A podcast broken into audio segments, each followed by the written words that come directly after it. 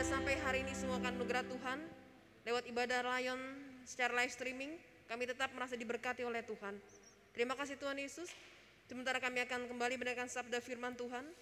Tuhan yang kuduskan, sucikan hati kami, sehingga firman-Mu boleh terus ada dalam kehidupan kami, membentuk hidup kami semakin hari semakin berkenan di hadapan Tuhan. Beberapa hambamu yang akan melayani Tuhan lewat kebenaran firman Tuhan, biar Allah sendiri yang berkuasa dalam kehidupannya. Terima kasih Bapak di surga. Kami sambut firman-Mu di dalam nama Tuhan Yesus. Haleluya. Amin. Monggo.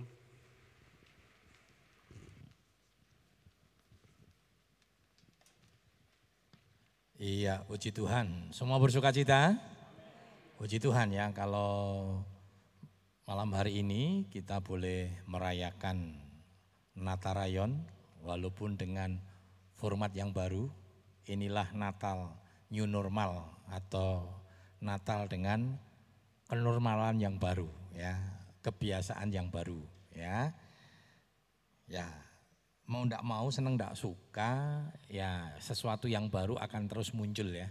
Terus muncul. Seperti yang saya selalu sampaikan, walaupun nanti kita sudah divaksin, ibadah seperti ini akan tetap berlangsung. Apakah Natal tahun depan masih seperti ini? Ya kita doakan saja saudara ya. Tetapi biarlah ini tidak membuat sukacita kita menjadi hilang. Tadi drama sudah di munculkan ya bagaimana banyak orang mengalami berbagai macam ketakutan sehingga sukacitanya menjadi hilang. Nah, temanya adalah sukacita di tengah menghadapi pandemi. Ya, artinya di tengah menghadapi satu keadaan yang tidak nyaman, satu keadaan yang tidak enak.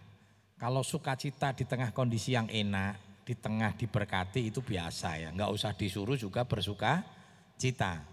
Makanya kalau Filipi 4 ayat 4 dikatakan bersukacitalah, sekali lagi katakan bersukacita itu karena pada waktu itu Filipi sedang berbicara kepada jemaat, ah sorry, Paulus sedang berbicara kepada jemaat yang ada di Filipi, yang intinya yang ingin disampaikan oleh Paulus bahwa dia pernah punya pengalaman yang tidak enak dengan Filipi, tetapi dia tidak punya kepahitan dengan kota Filipi, dengan jemaat yang ada di Filipi, dia tetap bersukacita. Amin. Mari kita sama-sama melihat terlebih dahulu di dalam Lukas 1 ayat 46 hingga 47. Saya undang kita bangkit berdiri bersama-sama. Kita mau membaca ayat ini bersama-sama. Lukas 1 46 hingga 47 kita akan baca secara bersama-sama ya. Dua, tiga. Lalu kata Maria, jiwaku memuliakan Tuhan dan hatiku bergembira karena Allah juru selamatku. Puji Tuhan, silakan duduk. Saudara ayat 47 dikatakan bahwa Maria, ini pernyataan Maria saudara dikatakan dan hatiku bergembira karena Allah juru selamatku. Nah saudara kalau kita membaca ayat ini, ini bukan ayat yang sederhana. ya Ini bukan pernyataan yang sederhana. Kita tahu pernyataan yang disampaikan oleh Maria ini, Maria kalau sekarang sering kali saya katakan begini, kalau sekarang kita ini bisa berkata itu adalah anugerah. Tetapi apa yang dialami oleh Maria pada waktu itu ya itu sesuatu musibah sebenarnya secara manusia ya. Walaupun memang realnya kenyataannya memang Maria mendapatkan anugerah dan hanya orang-orang yang betul-betul mendapatkan hikmat Tuhan, mendapatkan karunia Tuhan saja yang bisa mensyukuri apa yang dialami oleh Maria. Nah, ini adalah pertemuan Maria dengan Elizabeth. Ya, kita tahu Elizabeth mengandung Yohanes. Yohanes ini merupakan perintis. Dia dilahirkan enam bulan di depannya Yesus yang tujuannya nanti Yohanes ini akan merintis jalan bagi Yesus. Jadi Yohanes akan melayani terlebih dahulu baru setelah itu Yesus datang. Ya, masih ingat ya pada waktu Yohanes sedang berkhotbah, Yesus datang, lalu Yesus minta dibaptis. Lalu Yohanes berkata, buka kasutmu saja aku nggak layak, apalagi membaptis. Tetapi itu adalah perintah Tuhan dan akhirnya Yohanes membaptis uh, membaptis Tuhan Yesus Kristus. Dan kita tahu kelahiran Yohanes Pembaptis ini juga mujizat. Ya, kita tahu adalah Elizabeth sudah tua, sudah mati head. Uh, dia juga apa namanya apa uh, mandul sehingga tidak bisa melahirkan. Tetapi pada waktu itu Sakaria suaminya mendapatkan firman. Nah itu bukan sesuatu yang gampang karena 400 tahun sebelum hari Sakaria ber, mendapatkan firman, Tuhan tidak berfirman sama sekali. Dalam dunia teologi disebut dengan masa kesunyian. Jadi Allah tidak berbicara. Lalu Sakaria berbicara. Ya, eh, maaf, Allah berbicara kepada Sakaria tentang kelahiran. Nah, ini juga tidak gampang Saudara. Andai kata benar pun ya, andai kata si Maria ini eh, Elizabeth ini tidak mandul sekalipun itu sesuatu yang rasanya berat ya, sudah tua Saudara itu juga saya pikir dan percaya musibah juga saudara ya. Kalau ada ibu-ibu di sini usia 70 tahun ya tahu tuh hamil saudara ya. Waduh itu kan mau memberitahukan itu kan rasanya sukacita atau enggak kita enggak tahu saudara. Waktu dia ngomong ya mungkin sama sama orang, eh aku ngandut loh usiamu berapa? 70 kok iki berkat atau nekat? kata saudara ya. Jadi iki kamu tuh berkat atau nekat atau nafsu? kata saudara ya. Umur 70 tahun. Dan ini juga nggak gampang loh saudara ya. Jadi Maryam eh, ini adalah wanita-wanita hebat yang mendapatkan karunia Tuhan. Nah Maria merasakan dia sudah mendapatkan karunia yang besar. Makanya ketika Maria bertemu dengan uh, sorry Elizabeth bertemu dengan Maria apa yang dialami bayi yang ada di dalam kandungannya ini bayi yang sama-sama betul-betul penuh dengan Roh Kudus saudara ya itu meloncat-loncat sehingga Maria bisa merasakan eh sorry Elizabeth bisa merasakan Makanya dikatakan engkau adalah wanita yang diberkati oleh Tuhan. Ya, engkau adalah wanita yang diberkati oleh Tuhan. Lalu kata Maria luar biasa, hatiku bergembira karena Tuhan. Ternyata walaupun dia harus menghadapi kondisi yang tidak gampang dan kita tahu kan Maria ini kan sedang menghadapi rencana perceraiannya ya dengan Yusuf saudara. Yusuf kan mau menceraikan saudara. Ini kondisi-kondisi yang tidak nyaman. Tetapi ketika Maria bersama Tuhan, apa pun kondisinya, kita tetap bersuka cita di dalam Tuhan. Amin. Karena kita melihat kekuatan yang datangnya dari Tuhan. Kenapa kita tetap bersuka cita di tengah kondisi yang tidak nyaman, di tengah keadaan-keadaan yang tidak nyaman. Kenapa saudara? Karena Kristus itu adalah sumber sukacita sejati. Coba kita lihat dalam Roma 15 ayat 12 hingga 13 akan bacakan demikian firman Tuhan. Dan selanjutnya kata Yesaya, taruh dari pangkal Isai akan terbit dan ia akan bangkit untuk memerintah bangsa-bangsa dan kepadanya lah bangsa-bangsa akan menaruh harapan. Semoga Allah sumber pengharapan memenuhi kamu dengan segala sukacita dan damai sejahtera dalam iman kamu supaya oleh kekuatan Roh Kudus kamu berlimpah-limpah dalam pengharapan. Dikatakan kenapa kita ketika kita bersama dengan Tuhan, kita ini bersuka cita. Karena Tuhan itu sumber pengharap, Tuhan itu sumber pengharapan. Tuhan itu sumber sukacita. Pengharapan di dalam Tuhan inilah yang memberikan kita sukacita. Kenapa hari-hari ini orang tidak bersuka cita? Karena takut tidak punya pengharapan. Betul nggak saudara? Peti kan? Waduh, gue kena virus berarti kan tidak ada pengharapan. Tadi kakek nenek kan memberikan pengharapan. Ora popo, sing penting jaga protokol kesehatan. Nah saudara ya. Jadi yang penting jaga protokol dulu atau Tuhan dulu saudara ya Tuhan dulu.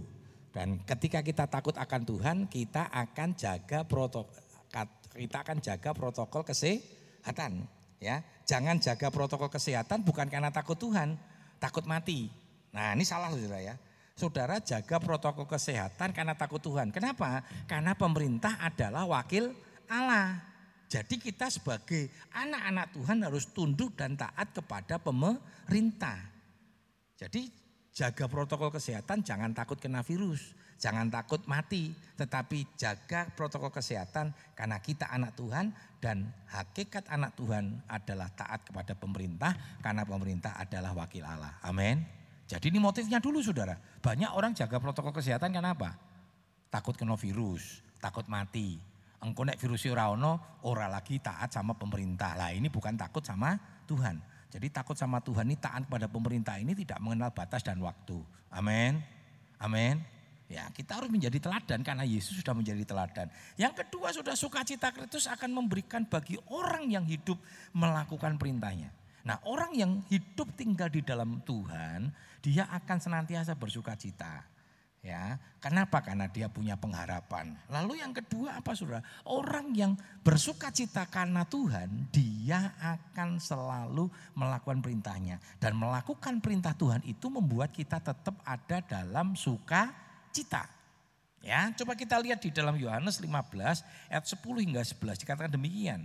Jikalau kamu menuruti perintahku, kamu akan tinggal di dalam kasihku. Seperti aku menuruti perintah Bapakku, tinggal di dalam kasihnya. Semuanya itu kukatakan kepadamu supaya sukacitaku ada di dalam kamu dan sukacitamu menjadi penuh. Orang yang hidup dan tinggal di dalam kebenaran firman Tuhan. Dengan kata lain kita selalu melakukan firman Tuhan, maka kita akan hidup di dalam sukacita melakukan firman Tuhan itu akan mendatangkan sukacita, tidak ketakutan. Tidak mungkin orang melakukan firman Tuhan takut. Maka firman Tuhan katakan apa kemarin 2 Timotius ya, ayat 1 hingga yang uh, ayat 1, pasal 1 ayat yang ke-7. Tuhan tidak memberikan pada kita roh yang mendatangkan ketakutan, tapi apa? Kekuatan. Ya, kasih dan ketertiban. Dan ini akan membuat kita sukacita. Orang ketika kita melakukan firman Tuhan, maka sudah akan memiliki kekuatan Tuhan. Sudah akan hidup dan tinggal dalam kekuatan Tuhan. Efesus 6 katakan adalah kamu kuat di dalam kekuatan kuasanya. Lalu orang yang tinggal dalam kasih Tuhan, dia akan hidup dalam kasih Tuhan. Orang yang hidup dalam kasih, dia nggak pernah mengalami ketakutan, sudah. Kenapa? Orang yang hidup dalam kasih Kristus, dia nggak punya musuh. Betul nggak, saudara? Orang memusuhi kita, oke, okay, nggak masalah, saudara. Kita nggak bisa memaksa orang, semua orang senang sama kita, ya. Saudara mengasihi orang itu, belum tentu orang itu mengasihi kita, enggak masalah. Tugas saudara adalah mengasihi. Amin. Baik orang itu mengasihi kita atau tidak mengasihi kita, itu enggak ada persoalan. Yang penting Bapak Ibu Saudara mengasihi, clear. Amin. Amin. Kok angel yo? Kelihatannya Bapak Ibu Saudara banyak membenci ini. Ya, orang membenci om sabedino difitnah. Ya, setiap hari saya diberitakan tidak benar. Ora apa-apa. Saudara percaya enggak bahwa kebenaran itu Tuhan yang punya? Amin. Kalau orang lain tidak memberitakan kebenaran ke, tentang kebenaran kita, enggak apa-apa. Memang kebenaran kita enggak perlu diketahui orang lain. Yang penting kebenaran kita kita lakukan di hadapan Tuhan. Dan Tuhanlah yang akan membenarkan orang-orang yang dikasihinya. Amin. Kan dikatakan ketika aku datang ke dalam dunia adakah aku dapati iman di bumi ini? Ya, dikatakan Tuhan akan membenarkan orang-orang yang melakukan kehendaknya. Sudah mau dibenarkan manusia atau dibenarkan Tuhan? Benarkan manusia belum tentu benar loh saudara. Bisa aja orang itu munafik sama kita, betul? Ya kan? Di hadapan kita, wah ngini-ngini saudara ya. Begitu kita balik ngini-ngini saudara. Dan jangan sakit hati, itulah manusia. Tapi Tuhan kita yang fair. Tuhan kita yang paling adil. Karena itu jangan cari pembelaan atau apa namanya eh, penghargaan tentang kebenaran kita di hadapan manusia. Manusia membenarkan kita puji Tuhan ya, jangan sombong. Tapi yang utama adalah hidup kita dibenarkan oleh Tuhan. Amin. Itu yang paling penting. Sehingga apa yang kita lakukan itu kita menjadi clear. Kita tidak mandang manusia, kita tidak lakukan karena supaya manusia memuji kita. Kalau setiga 23 kata apa? Perbuatlah bukan untuk manusia tapi untuk Tuhan supaya nama Tuhan dipermuliakan. Nah saudara, sukacita itu adalah produk surgawi. Jadi tidak ada sukacita sejati yang dikerjakan selain itu dikerjakan oleh surgawi. Oleh Allah kita. Oleh Yesus Kristus Tuhan kita. Roma 14 ayat 17. Roma 14 ayat 17. Sebab kerajaan Allah bukanlah soal makanan dan minuman, tetapi soal kebenaran, damai sejahtera dan sukacita oleh Roh Kudus. Kerajaan surga bukan masalah makan minum, Saudara. Makanya kalau nggak makan minum nggak apa-apa, Saudara ya. Karena kerajaan surga bukan masalah makan minum, tapi apa? Tentang dikatakan kebenaran, damai sejahtera, sukacita. Jadi sukacita yang sejati itu produk surgawi. Itu bicara tentang nilai-nilai kekekalan. Kalau Bapak Ibu sudah selantiasa hidup melakukan nilai-nilai kekekalan, nilai-nilai kebenaran, maka firman Tuhan katakan kita akan ada dalam sukacita. Matius 6 dikatakan apa? Carilah dulu kerajaan Allah dan kebenarannya. Itu yang harus kita lakukan hari-hari ini. Jangan cari duniawi. Roma 2, 12 ayat 2 katakan jangan kamu serupa dengan dunia ini. Supaya kita dapat membedakan mana kehendak Allah. yang baik dan yang berkenan kepadanya. Jangan serupa dengan dunia. Dunia itu keinginan daging, keinginan mata, dan keangkuhan hidup. Dan itu semua membawa malapetaka. Itu semua membawa dosa. Adam dan Hawa jatuh karena tiga hal itu. Yesus dicobai dengan tiga hal yang sama. Tapi Yesus tidak jatuh dalam dosa. Dan banyak manusia jatuh karena ketiga hal ini. Tokoh-tokoh Alkitab jatuh karena ketiga hal ini. Ada Daud, ya, ada banyak tokoh-tokoh yang jatuh karena tiga hal ini. Tetapi jatuh mereka bersyukur, kita bersyukur bahwa mereka bertobat saudara. Ya, jatuh dalam dosa nggak apa-apa saudara. Ya karena kekilafan kita, saudara sadar minta ampun seperti Daud bertobat di hadapan Tuhan, walaupun dosa itu tidak pernah bisa dihapus. Memori dosa tidak pernah dihapus. Akibat dosa Tuhan hapus saudara. Ya, upah dosa ialah maut tetapi kasih karunia hidup yang kekal. Tetapi memori dosa itu tidak pernah bisa dihapus tidak bisa dihapus itu artinya dari memori-memorinya orang lain yang pernah melihat saudara ya maka tidak gampang saudara waktu Paulus bertobat nggak gampang. Tidak semua orang murid-murid Yesus percaya kan? Wong ini yang suka bunuh orang. Ya itu konsekuensi. Tapi lebih baik kita bertobat. Karena dosa semerah kerimis disucikan salju. Ya yang penting upah dosa itu Tuhan sudah ampunkan. Dan itu boleh mendatangkan keselamatan bagi kita semua. Ya. Saudara, sukacita ini yang terakhir Saudara ya, adalah obat yang manjur bagi penyakit. Amin. Ya, ada tiga hal untuk menghadapi Covid. Yang pertama adalah iman. Ya, ini pemerintah yang buat loh Saudara. Iman ini jadi pemerintah juga melihat, saya melihat bagus juga ya. Pertama kali iman Saudara, artinya apa? Hubungan kita dengan Tuhan. Ini yang memperkuat kita. Orang yang percaya sama Tuhan tidak akan mengalami ketakutan, saudara. Ini yang utama dulu hari-hari ini. Karena yang kita lawan ini bukan darah dan daging, saudara. Ya, ini yang kita lawan virus yang nggak kelihatan. Kita nggak bisa lihat dengan kasat mata. Virus ini ada lewat droplet dan sebagainya, saudara. Bahkan ini sudah mulai mutan. Ya, virus di Inggris itu sudah mulai mutan, saudara, mutasi dalam bentuk yang lain dan itu mengakibatkan percepatan penularan. Nah loh sampai wedi vaksinnya urung, wis ono virus. Tetapi kemarin dari ahli epidemiologi, epidemiologi berkata vaksin yang kita miliki mampu menangkal itu. Ya, katanya sudah ya, katanya wong virus urung tekan yang urung tekan yang Indonesia sudah ya. Jadi makanya langsung di lockdown Inggris sudah ya, ada mutan. Afrika sudah kena itu. Ya, jadi mutan. Ya luar biasa sudah. Memang penyakit virus itu akan mutan. Dulu kalau orang kena DB, ciri khasnya apa saudara? Ciri khasnya itu pasti bintik-bintik merah, betul nggak? Sekarang nggak pakai saudara. Sekarang nggak pakai. Makanya ketika bapak ibu saudara punya anak atau bapak ibu saudara sendiri panas tidak turun-turun, segera di labkan. Karena sekarang mutan, penyakit itu mutan semua saudara.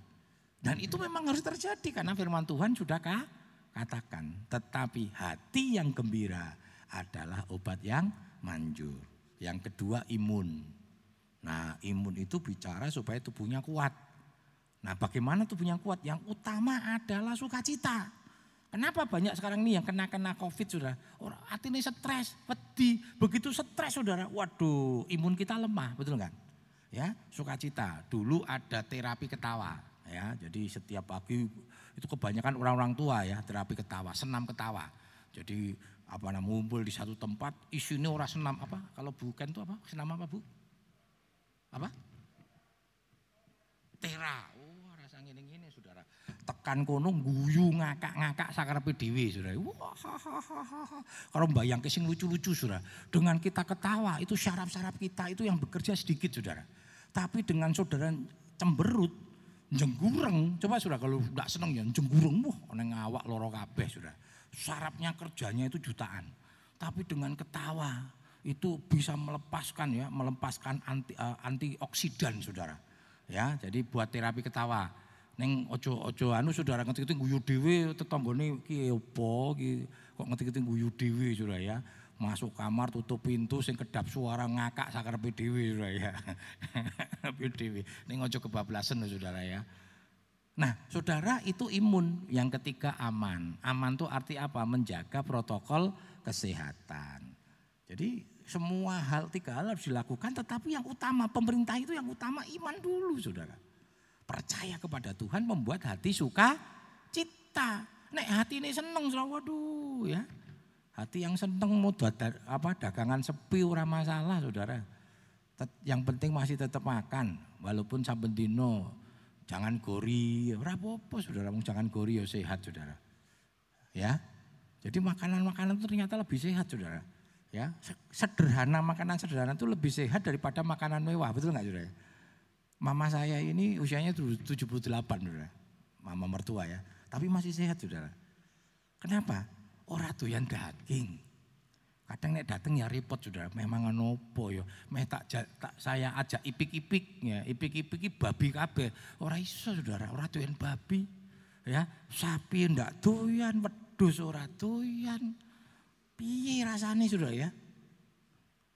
Doyane meng ayam. Oh, nasi uduk sudah ya. Si Tuhan ya. Jangan lupa nasi uduk jam 6 pagi sudah buka sudah ya. Jadi cuma ayam, ayam pun itu dada. Saya ayam yodoyan saudara, tapi kepala ceker, brutu, yura sehat saudara. Jadi sama saya itu daging dada, sehat saudara. Sehat. Jadi kalau makan makanan sehat itu sehat sudah. Amin. Makanya saya ketika orang bertanya, ah dia jotok kurus ora. Menata hidup. Hidup harus ditata. Ya sekali waktu boleh. Ya kalau tempatnya Bu Anbar itu uh, Bu Ambar sih ndase ditungul-tungul ke ya saya jadi memanggil-manggil saya saudara. Wis rasa nganggu sing lain ndas wae sudah loro cukup saudara ya. Nah saudara kita harus menjaga hidup. Ya, tetapi yang utama apa saudara? Hati yang gembira adalah obat. Dan hati yang gembira sudah bisa dapatkan ketika sudah percaya bahwa ada kekuatan, ada pemeliharaan di dalam Tuhan. Ya, mari kita tetap sukacita, kita tetap tetap senantiasa ada di dalam anugerah Tuhan sehingga nama Tuhan dipermuliakan. Mari kita berdoa. Terima kasih Tuhan, hambamu sudah menyampaikan kebenaran firmanmu dan biarlah kebenaran firmanmu boleh menjadi berkat bagi kami sekalian. Setiap kami diberkati oleh Tuhan, kami juga berdoa untuk para pengurus-pengurus rayon ini, kiranya Tuhan Yesus memberkati, bukan sebagai uh, majelis bidang rayon juga berkati, biarlah di tahun 2021 nanti kami boleh kembali mengikuti ibadah rayon dengan tatap muka. Itu yang menjadi kerinduan dan doa kami. Terima kasih Bapak, terima kasih Allahku hanya di dalam nama Tuhan Yesus Kristus kami sudah berdoa. Haleluya. Amin. Puji Tuhan.